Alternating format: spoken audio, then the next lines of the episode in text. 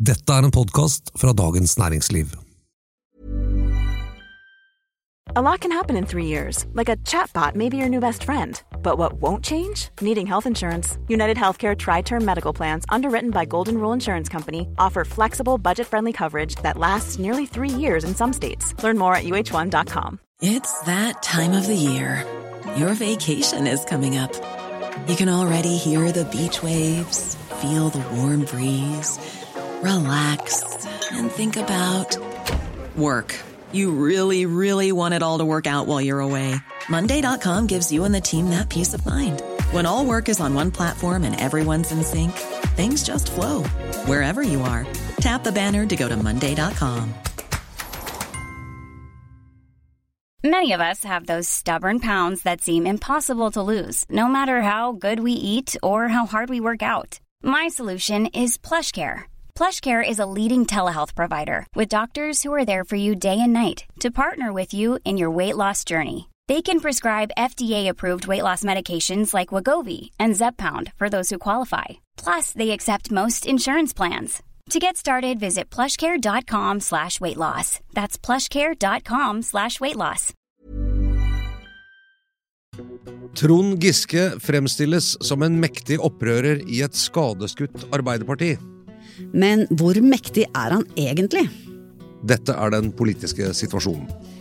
En podkast fra DN Media Group, Dagens Næringsliv, med politisk redaktør Fridtjof Jacobsen og meg, kommentator Eva Grinde.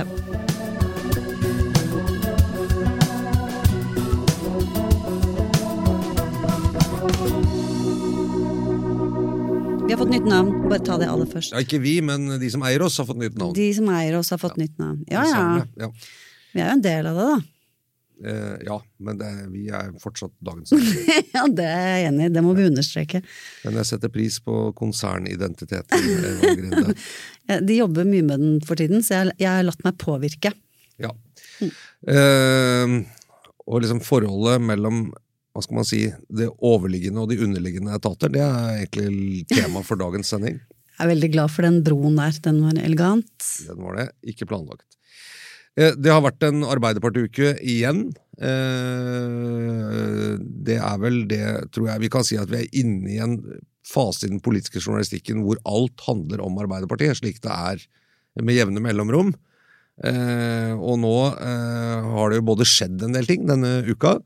Eh, I tillegg så har det jo eh, kommet til noen, eh, hva skal man si, noen nye møtepunkter, skjæringspunkter mellom Trond Giske og Nidaros Sosialdemokratiske Forum og partiet og partiledelsen.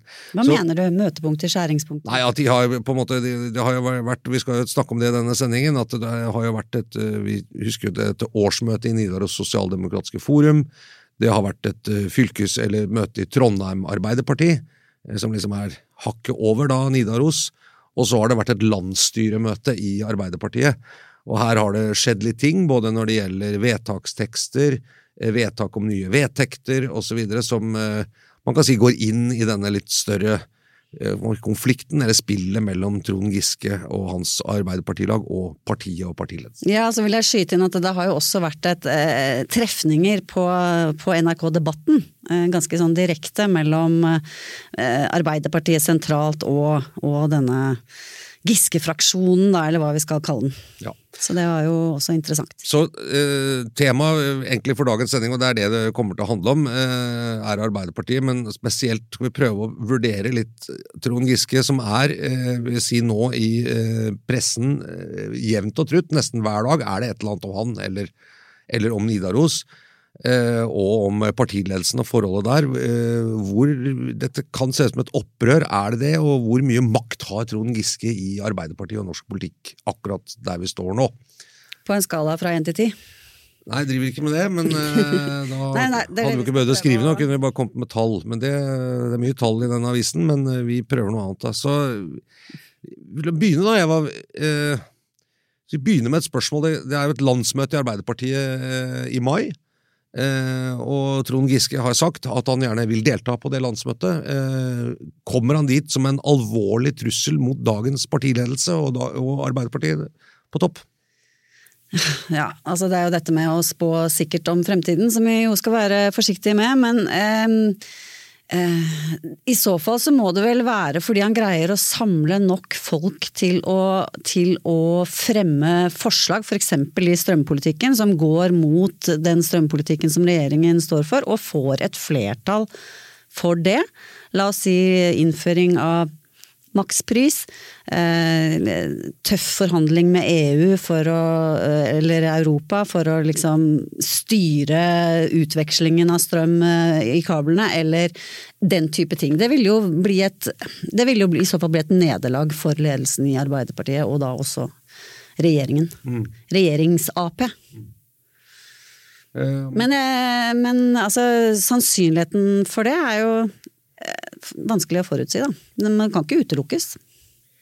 Nei, ingenting kan utelukkes, men det blir jo ikke noen kommentarer av. Så det, vi må, må, jo prøve å si, i hvert fall ut fra hva vi har sett denne uka.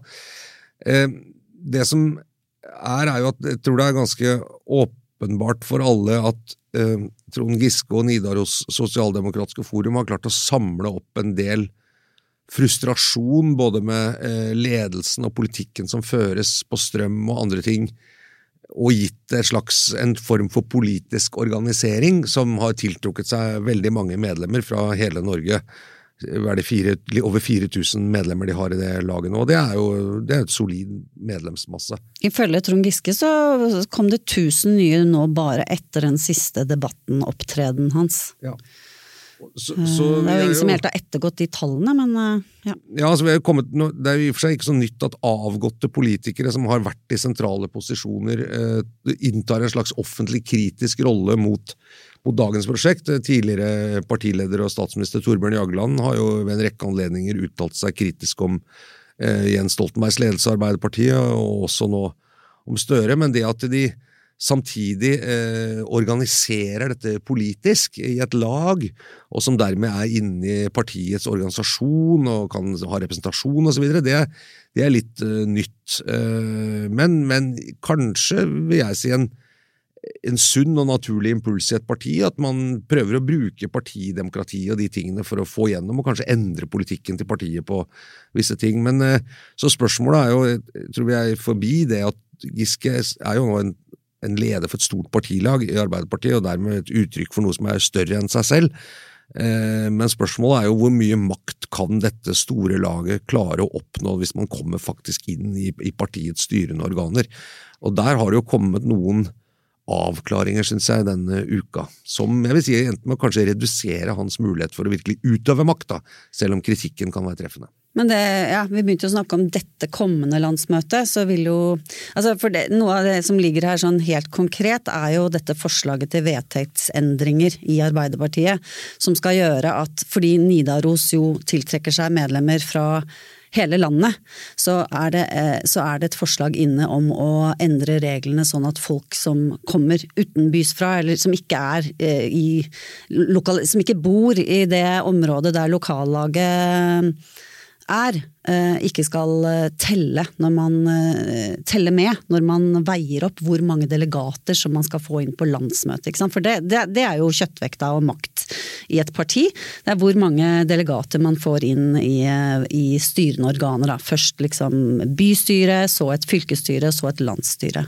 Ja, ja. Så, sånn at, og der, Aps landsstyremøte åpnet jo tirsdag. Uh, og der uh, ble disse forslagene til vedtektsendringer fra sentralstyret i Arbeiderpartiet uh, vedtatt enstemmig, så vidt jeg skjønte. Ja.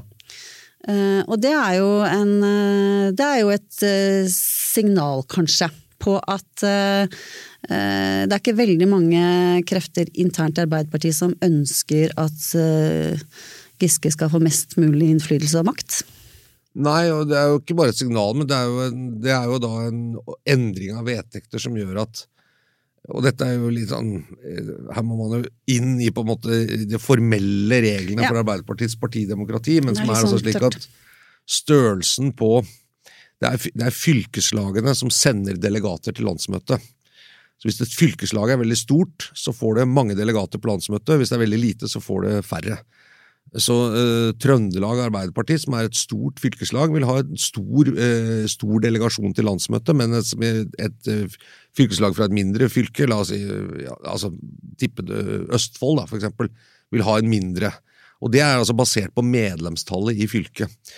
Og så eh, er denne vedtektsendringen slik at de 4000 medlemmene i Nidaros, eh, hvis man hadde telt de inn som en del av Trøndelag, alle sammen, så ville Trøndelag blitt et veldig stort fylkeslag som kunne sendt veldig mange representanter til landsmøtet. Og så sier de at nei, eh, slik er det ikke.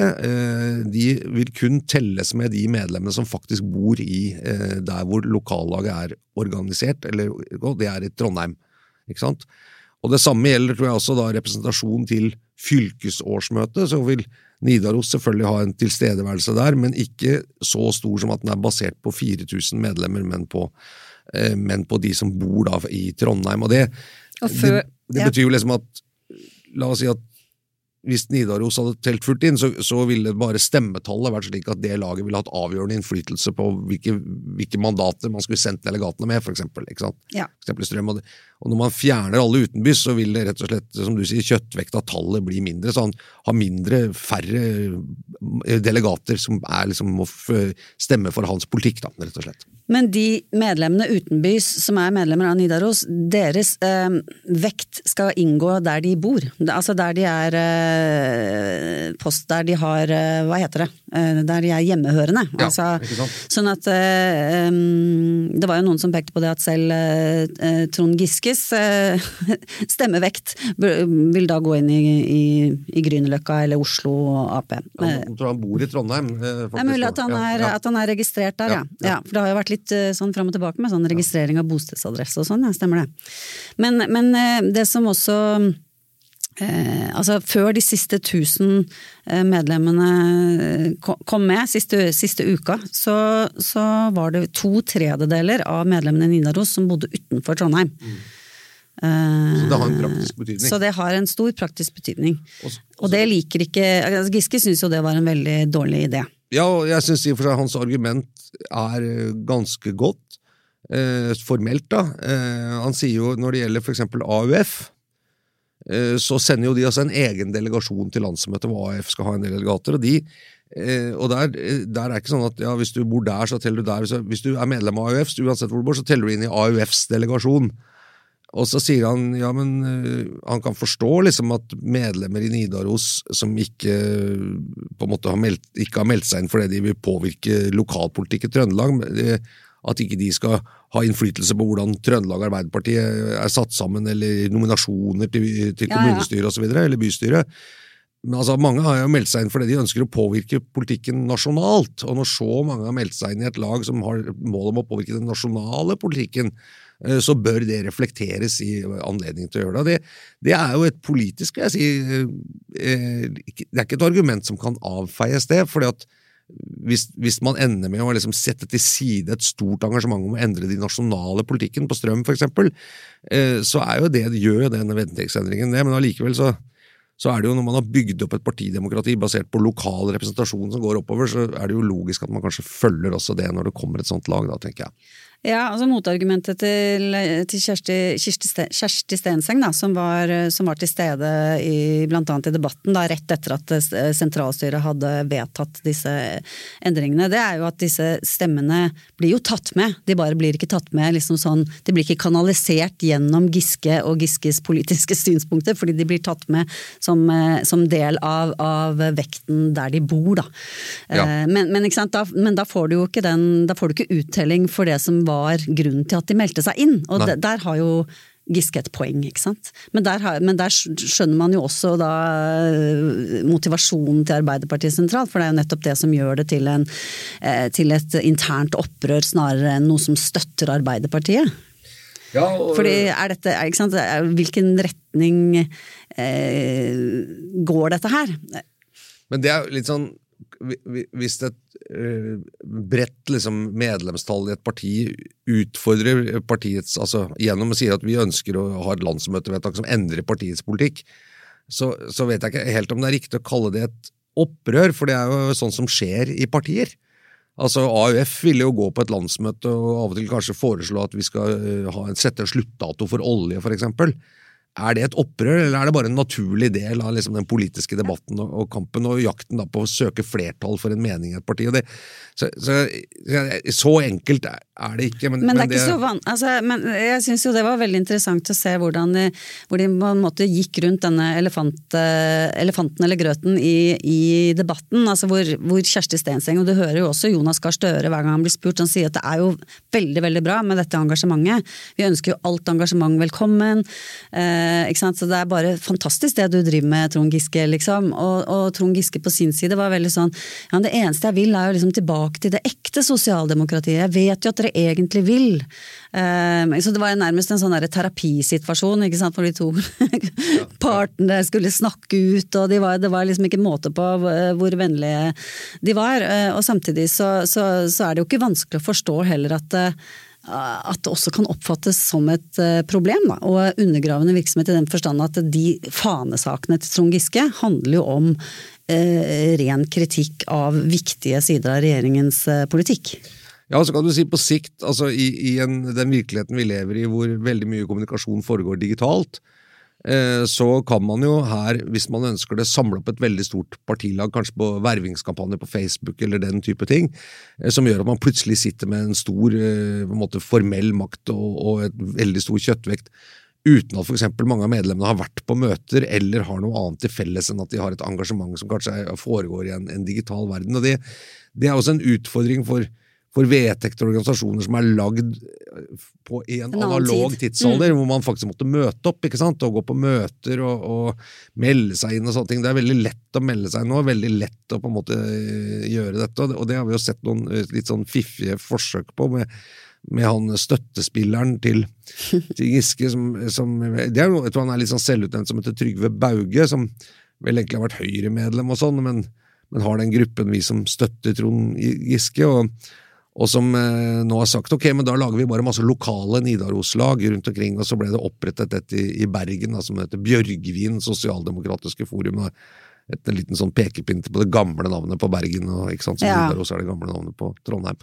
Så, øh, men om det er så det er mye altså, litt, i det, som jeg er litt usikker Det gjenstår jo å se, da. Det er også snakk om noe tilsvarende i Arendal, og visstnok også, også flere steder. Men, men, akkurat det med både Nidaros og Bjørgvin og sånn, er også litt morsomt, liksom gitt den der veldig sånn nostalgiske over, overtonene som ligger her. Det er veldig sånn eh, Retorikken til Giske handler om å finne tilbake til det opprinnelige eh, sosialdemokratiet. Han har alltid vært sosialdemokrat, og det er det eneste det er det eneste han vil prøve å få til nå, fordi at han føler at regjeringen er på vei vekk fra, fra liksom partiets sjel. Da.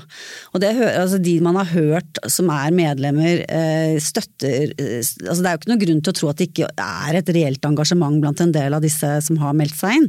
Selv om det sikkert også er en del eh, hva skal vi si, som stort sett opererer på, på nettet, liksom. Men, men, de har kommet hjem, eksempel. Det er en måte å, å, å snakke snakke om det på. Så det er veldig eh, Ja, nei, det er, det, er, det er, veldig interessant. Eh, og han appellerer jo også til denne eh, eliteskepsisen, kanskje, som, er, som, vi så ganske mye av i valgkampen til Senterpartiet. og sånn, det, det, på en måte får et sånn nytt liv, har jeg følelsen av nå. Det er bare sånn Sånn, er du også lei av alle de, de hovedstaden som sier at alt er så komplisert, og det er jeg òg, for det er ikke komplisert, vi la oss ta tilbake kontroll. Ja, ja, ja. Og det er også veldig sånn ekko fra, fra brexit-kampanjen. og der, man, man, hører liksom igjen noen krefter som har fungert veldig bra i andre sammenhenger, og som ja, i hvert fall er i bruk her, da. Make Arbeiderpartiet great again? Mener, Make Arbeiderpartiet great again. Social eh. democracy. How would you like to look five years younger? In a clinical study, people that had volume added with Juvederm Voluma XC in the cheeks perceived themselves as looking five years younger at six months after treatment. Look younger, feel like you. Add volume for lift and contour in the cheeks with Juvederm Voluma XC. Reverse signs of aging by adding volume to smooth laugh lines with Juvederm Volure XC. For important safety information and to find a licensed specialist, visit juvederm.com. That's J U V E D E R M.com. Not for people with severe allergic reactions, allergies to lidocaine, or the proteins used in Juvederm. Common side effects include injection site redness, swelling, pain, tenderness, firmness, lumps, bumps, bruising, discoloration, or itching. There's a risk of unintentional injection into a blood vessel, which can cause vision abnormalities, blindness, stroke, temporary scabs, or scarring. Talk to a licensed specialist to find out if it's right for you. When you make decisions for your company, you look for the no brainers. And if you have a lot of mailing to do, stamps.com is the ultimate no brainer. It streamlines your processes to make your business more efficient, which makes you less busy. Mail checks, invoices, legal documents, and everything you need to keep your business running with stamps.com. Seamlessly connect with every major marketplace and shopping cart. Schedule package pickups and see your cheapest and fastest shipping options from different carriers with rates up to 89% off USPS and UPS rates. And with the stamps.com mobile app, you can take care of mailing and shipping wherever you are. Make the same no-brainer decision as over 1 million other businesses with stamps.com. Sign up with code program for a 4-week trial plus free postage and a free digital scale. No long-term commitments or contracts. That's stamps.com. Code program. Want truly hydrated skin? Meet Body Care Breakthrough Hyaluronic Body Serum. It's clinically proven to increase hydration by 161%. It's lightweight, fast absorbing, and delivers 24 hours of hydration for silky smooth skin without any sticky afterfeel. Treat your skin to clean, vegan skincare from Osea. Get 10% off your first order with code SUMMER at OseaMalibu.com. That's O S E A Malibu.com code SUMMER. Ja. Jeg klarer ikke helt å fri meg fra at den, denne utfordringen med, med da, da Kristelig Folkeparti hadde denne lange eh, veimarsjen, eller hva man skal si eh, mot, mot Golgata, ikke sant? Men, men, Kanten. eh, men ja, om ikke blå og rød side, så så man jo eh, på en måte det trauste partidemokratiet i utfolde seg, nemlig ved at sant, det var lokale møter. Skulle delegatene bindes til å stemme fordi et knapt flertall i et fylke hadde vedtatt, eller skulle de stå fritt? Men det var, det var en fysisk prosess der, der veldig godt besøkte årsmøter rundt omkring i fylker og sånn ble dekket live på VGTV Ja, og ja. andre steder og sånn. Og så Ja, tror jeg det man har sett her med den, med den veldig raske organiseringen av Nidaros, er at med, at med den digitale verden så kan man hoppe bukk over en del, og kan liksom eh, fremstå som man har stor representasjon og mange støttespillere uten at de noensinne har vært i samme rom. ikke sant? Og Det, det, er, det tror jeg er en? Det er en latent utfordring da, eh, med måten partiene er skrudd sammen på. Eh, Hvordan skal man løse det? For hvis man da har ytre aktører eller andre som sier her finnes det jo shortcuts til en liksom fysisk eh, politisk makt som kan telles i stemmer på et landsmøte, men som kan gjøres på basis av liksom veldig raske vervekampanjer i det digitale, så er det jo? Hva, hva koster medlemskapet i Nidaros? Altså, Det, det er ikke sånn Nei, det samme det er ikke med melde kroner. deg inn i Arbeiderpartiet. Jeg tror ikke det koster noe mer Nei. enn det. på en måte. Nei, nei, mer i hvert fall ikke. Men det er heller ikke en sånn billig, Så, så billigkampanje à la AUF, liksom. Nei, og, og, og, og flere partier kan jo se på dette. Ikke sant? Man kan jo tenke seg at andre partier som sier at vi, vi kan raskt liksom få et stort liksom, medlemsflertall på vår side og da velte en ledelse osv. Men det, det, gir, det gir noen utfordringer, da. Men jeg, jeg bare tenkte på eh, Eller var du Nei, nei, jeg bare det, Derfor er denne vedtektsdebatten den er interessant. Ikke bare fordi den handler om Trond Giske, men den er interessant i seg selv. Eh, liksom, hvordan skal demokratiet og partidemokratier og vedtekter og organisasjonsformer tilpasse seg en ny tid der engasjement nå ofte er ganske sånn digitalt? Og, så forstå meg på rett måte at at engasjementet er liksom knyttet til et sånn kommentarfelt, men et positivt kan man si, kommentarfeltgreie, hvor liksom det å komme fram, melde seg inn, si sin mening er veldig mye enklere enn det var før, hvor du liksom måtte melde deg inn, så kom du til en ny forsamling hvor du aldri hadde sagt noe, skulle du virkelig gå på talerstolen og si noe. Eh, Det var jo selvfølgelig mye sånne chilling effects i det greiene der, nå er det mye lettere da, å Ja, organisere det, det kan være at det er en del av det. Samtidig så ser vi jo bilder Altså, han har jo samlet noen sånne Jeg vet ikke hvor store de salene er, da, men det er, det er jo noen folk Jeg vet ikke om det er sånn at at det er vanlig, eller var vanlig før, at alle medlemmer i et lokallag møtte opp fysisk nødvendigvis. Ja. Men, men, men det, er, det, er, i hvert fall er, Kommunikasjon går fort og ja. ja bom, Bompengepartiet i forrige ja. valg er jo litt det, ja. samme. Det er veldig rask politisk organisering. Mm. Så plutselig så har de stemmer i bystyret. og og I noen byer hadde de da en avgjørende eh, sitt som gjorde at de kunne bestemme hvem som skulle bli ordfører. Mm. Og Den organiseringen gikk veldig raskt. Og demokratiet er jo sånn det er jo formelt i og for seg at du har utvelgelsesmekanismer som gjør at til slutt har du en forsamling som fatter forpliktende vedtak for de som har vært der, flertallsvedtak. og Hvis du skjønner liksom hvordan du raskt kan skaffe deg et flertall der, så, så kan du utmanøvrere en del av de gamle tingene som lå i det. Og det, og det er vel det Arbeiderpartiet nå har prøvd å sette en stopper for med disse vedtektsendringene. Ja, nei, det, er, det, er, jo fordi de, de, har sett effekten av de reglene av, og hva det kan føre til med denne veldig raske veksten, at det plutselig ble aktuelt og akutt å, å gjøre noe med. da. Så, men, men, jeg syns det var veldig hvis, hvis vi hørte, altså den Støre holdt jo da tale til landsstyremøtet nå um, i går. Jeg tenkte liksom Var det ett navn han ikke nevnte, så var det i hvert fall det Trond Giske. Ja. Og det, det, det er vel ikke særlig tilfeldig. Nei, det var vel lurt.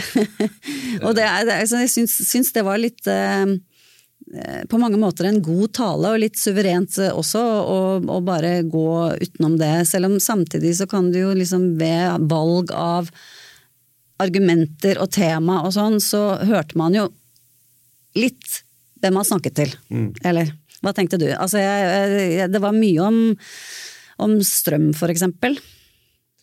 Ja, og det er jo eh, en annen formell ting som, som skjedde, som, som jeg syns kanskje kunne vært, fått enda større oppmerksomhet, er at på årsmøtet i Trondheim Arbeiderparti, altså i byen, som jo da samler alle lokallagene i Trondheim, inklusive da Nidaros, så kom Nidaros med et forslag til en eh, resolusjon eller en tekst. Og, det, og, dette er jo sånn, det blir vedtatt en tekst, så går det til fylket, og så prøver man å få flertall for den der, og så kan da fylket dra til landsmøtet med den delegasjonen og si vi fremmer den teksten og søker å få støtte for akkurat denne vedtaksteksten. Mm. Ja, Det er liksom gangen i det. Ja. Lokallag, bylag, fylkeslag, ja. landsmøte. Og Får du det vedtatt på landsmøtet, mm. så har, må partiet da endre politikk. ikke sant? Mm. Eh, men eh, og den teksten som lå fra Nidaros, var opprinnelig eh, ganske skarp og ganske instruerende og klar når det gjaldt en endring av strømpolitikken. Når det gjaldt både eksportbegrensninger og og nasjonal kontroll osv. Men vedtaket i Trondheim Arbeiderparti, og det er liksom allerede i, på første liksom, skritt for Nidaros, ble et langt rundere og mer åpent vedtak. som det er mitt inntrykk at hvis den teksten hadde blitt vedtatt på Arbeiderpartiets landsmøte til høsten, så ville Jonas Gahr Støre og ledelsen kunne si det er ikke noe problem, da kan vi fortsette til å føre den samme politikken. Den er uforpliktende, den har og her, ikke sant, I landsmøtevedtak så er jo wordingen og kommaene veldig viktig, for det vil jo si noe om hvilken frihet partiledelsen har til å til å fortsette med det. Så, så der må man kanskje si at Nidaros led et nederlag allerede der. og hva, skal da skje videre i prosessen? Skal man gjøre et nytt forsøk på fylkesårsmøte, som da skal velge delegater til landsmøtet på, og sende med dem en skarpere tekst enn det mm. Trondheim Ap kom med? Det, det kan jo hende kommer, men, men liksom veien mot et, et tekstforslag som ville vært veldig krevende og, og krevd en, en, betydelig endring i strømpolitikken, eh, fikk i hvert fall ikke noe eh, det Han kom ikke i mål med det på første berøring, hvis det var målet, da. Nei, det er eh... Og eh, måten jeg bare hørte, liksom hørte litt sånn nøyere inn på den årstalen som Giske hadde i, i, i, i Nidaros, eh, i laget der, så var det så er det ganske Det, det er vel sånn vi, Det må skje noe nå, ikke sant. Vi må ha Prisen må ned, vanlige folk, dette er helt Men samtidig så, ikke, så er det ikke veldig skarpt hva som skal gjøres. Sånn at de Ja det er liksom eh, Ja, kravene er liksom klarere enn løsningene, for å si det mildt, da. Ikke sant. Det er sånn jeg, jeg skal fikse det, at dere ikke får høye strømpriser, men akkurat hvordan det er ikke like klart. Så ja. Nei, og, det, og, denne våren så er vi jo inne i en mer konkret tid. hvor det faktisk, Hvis du skal gjøre noe, så må du faktisk få vedtak som er forpliktende, og som, og som er klare instruksjoner. Mm. Og Hvis du ikke lykkes med det, så kan man jo sette ord på frustrasjon eller snakke liksom til det, men, men, men, nå er man jo inne i, en sånn reell politikk da, som skal utformes og vedtas. Altså, vi, vi, er, vi, er, ikke, ikke Når et landsmøte kommer, så er det ikke lenger prat og intensjoner. Da, da må det utmunne i vedtak. ikke sant? Og det, det er jo den, det er, det er klart at hvis, hvis Nidaros, eller hvis man har klart å samle en bred opposisjon mot dagens strømpolitikk, som både Jonas Gahr Støre og olje- og energiminister eh, Terje Aasland gjentatte ganger har sagt at Nei, det blir ikke strømstøtte til bedriftene. Nei, det blir ikke makspris. Nei, og ja, vi kommer til å fortsette å ha utveksling gjennom kabler og importere og eksportere strøm fordi vi trenger det for effekt, som også Støre argumenterte veldig hardt for i sin landsstyretale. Hvis de hadde blitt instruert til å gjøre liksom en helt annen politikk enn det av sitt eget landsmøte, så må, kunne man jo si at partiledelsen har hadde lidd, eller hvis det skjer, så vil de ha lidd et, et voldsomt politisk nederlag, si. Ja, ja men, men, eh, det er jo et eh, tegn det antagelig, da, som du sier, at de greide å liksom eh, døyve ned allerede på, ved første test da, i Trondheim Arbeiderparti.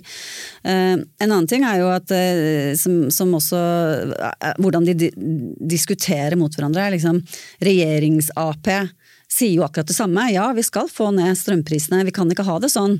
Men løsningen er jo eh, den derre evige mantraet til eh, Jonas Gahr Støre, med mer nett, mer kraft, mer enøk.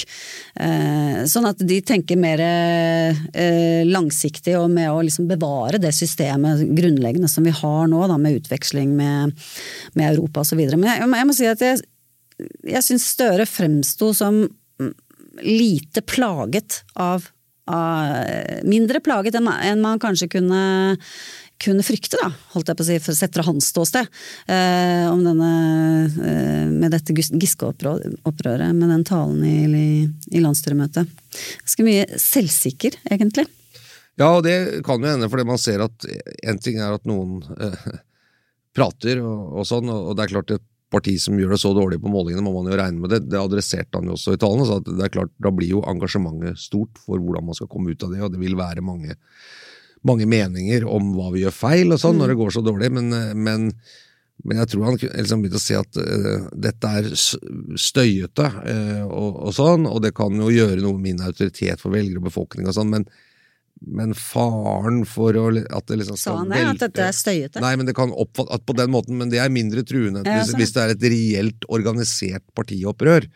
Hvor man liksom har, samler et stort, stort flertall i partiorganisasjonen. Jeg tror dette går mye fortere enn Giske har sett for seg òg. Jeg, tror ikke, jeg tror ikke det nødvendigvis er noen sånn masterplan blant dette, men jeg tror at han eh, syns det er ganske gøy å cruise på denne bølgen. Det ser det jo absolutt ut som. Han har ikke noe mot å få den oppturen. Giske, altså. Nei, men, nei, det kan du si, men jeg tror, men jeg tror også, det er noe som må tas på alvor da, eh, av partiledelsen. Det er, jo, det er jo naturlig noe som skjer når det går så dårlig som det har gjort for dem. At utålmodigheten i partiorganisasjonen og misnøyen med dagens ledelse og dagens politikk vil bli stor. Det, det tror jeg man må ta på. Man kan ikke ja, ja. avfeie det.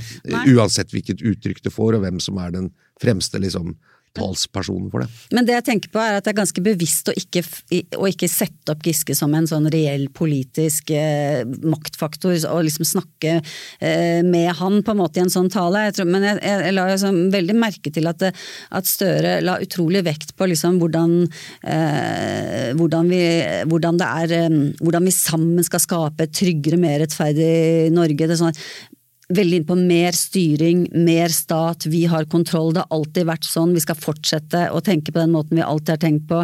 Vi slipper ikke politikken, vi slipper ikke markedskreftene løs, det er vi som styrer.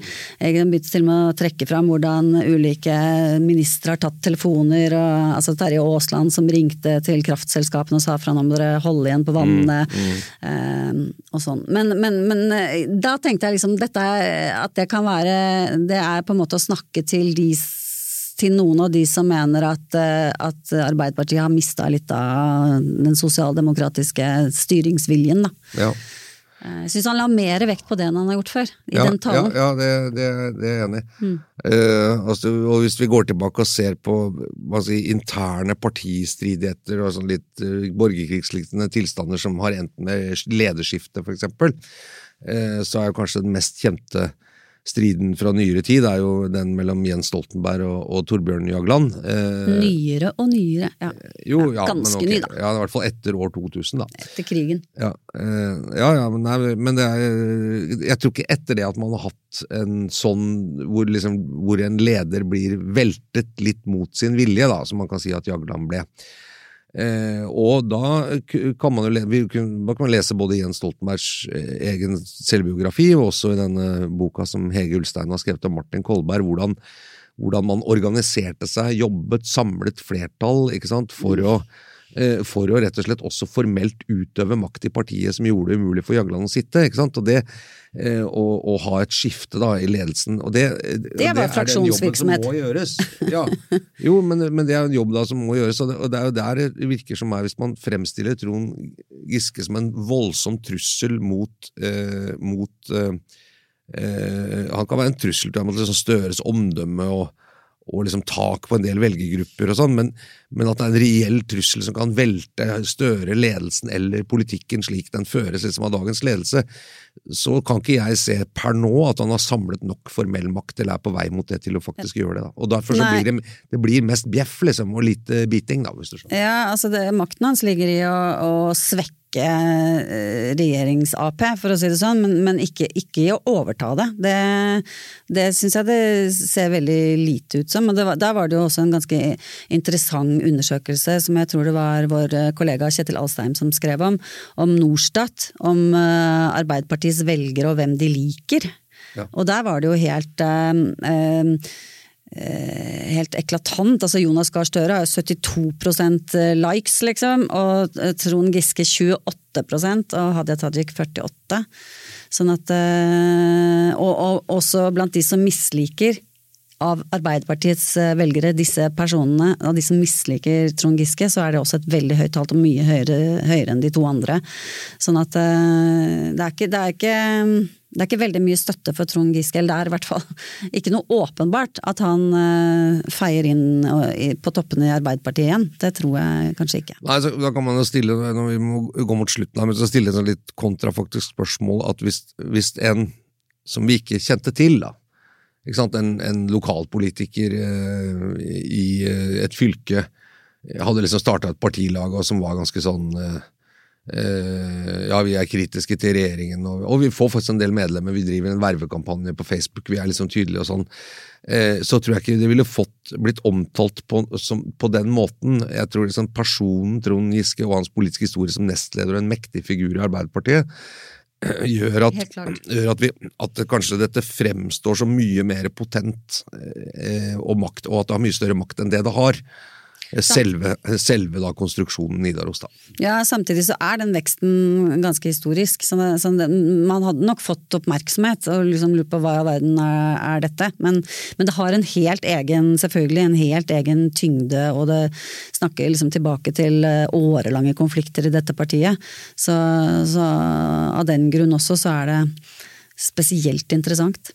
Ja, altså Vanlig sånn politisk journalistikk hvis det går dårlig for et parti, er jo sånn du ringer rundt sant, til eh, fylkesledere eller ordførere eller andre ting for å høre, og så kan det godt hende du kommer å si at 40% av de vi har ringt, uttrykker misnøye og vi har en annen politikk osv. Og, og det vil jo være nyheter som dukker opp når, når alle ser at det går dårlig, det går dårlig på målinger og sånn, men, men, det blir jo ikke fremstilt som noen sånn eksistensiell utfordring eller trussel mot partiets ledelse og sånn, men det, det, tror jeg har noe med personen Trond Giske å gjøre, da, at han fordi det er han som fremstår dette Jeg sier ikke at det er uten betydning, jeg bare sier at jeg tror det blir fremstilt, og at det dekkes liksom nærmest sekund for sekund, at det blir fremstilt som mer mektig og reelt utfordrende liksom, enn det det egentlig er. da. Det, det, tror jeg. Enn så lenge, i hvert fall. Han lager liv og røre og uhygge i partiet for dem, eh, det er helt eh, klart. Og så er han jo også en en interessant politiker, i den forstand at han er en rå retoriker. ikke sant? Altså det, er, det, er, interessant å høre hvordan han eh, ordlegger seg, hvordan han vinner oppslutning. Og, ja.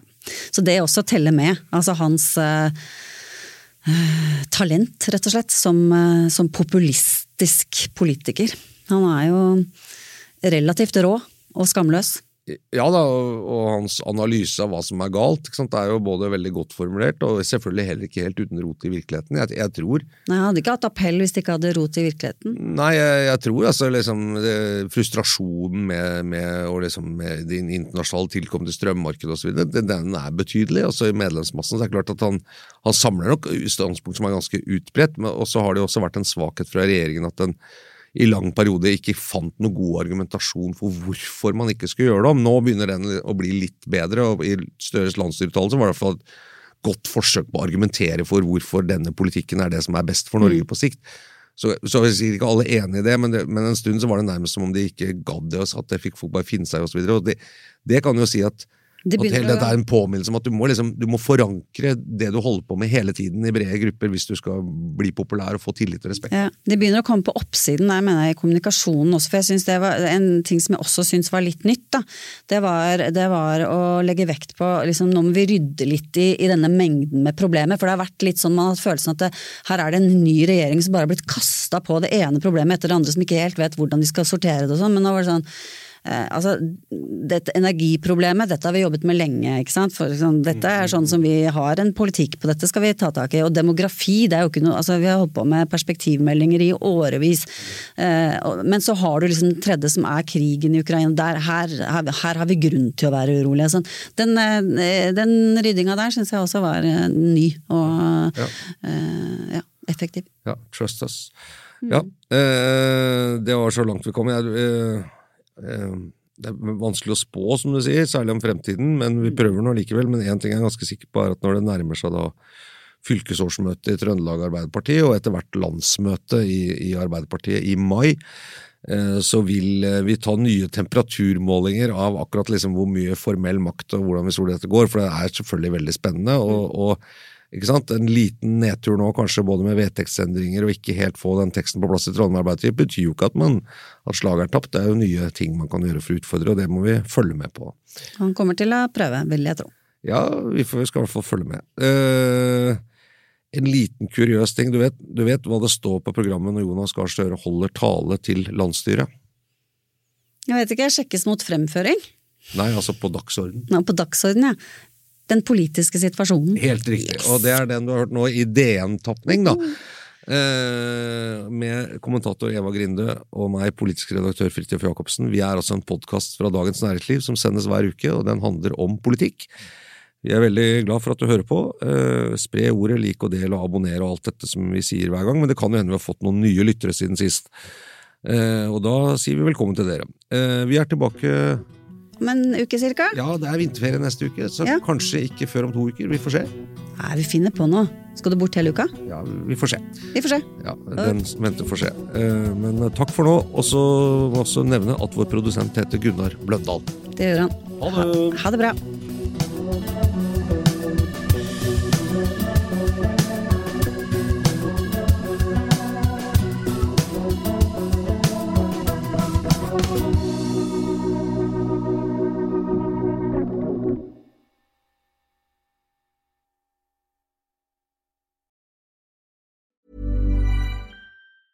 Planning for your next trip? Elevate your travel style with Quince. Quince has all the jet setting essentials you'll want for your next getaway, like European linen, premium luggage options, buttery soft Italian leather bags, and so much more. And it's all priced at 50 to 80% less than similar brands. Plus, Quince only works with factories that use safe and ethical manufacturing practices. Pack your bags with high-quality essentials you'll be wearing for vacations to come with Quince. Go to quince.com slash trip for free shipping and 365-day returns. Hi, I'm Daniel, founder of Pretty Litter. Did you know cats tend to hide symptoms of sickness and pain? I learned this the hard way after losing my cat, Gingy. So I created Pretty Litter, a health monitoring litter that helps detect early signs of illness by changing colors, saving you money and potentially your cat's life. Pretty Litter is veterinarian developed, and it's the easiest way to keep tabs on your fur baby's health right at home. Go to prettylitter.com and use code ACAST for 20% off your first order and a free cat toy. Terms and conditions apply. See site for details.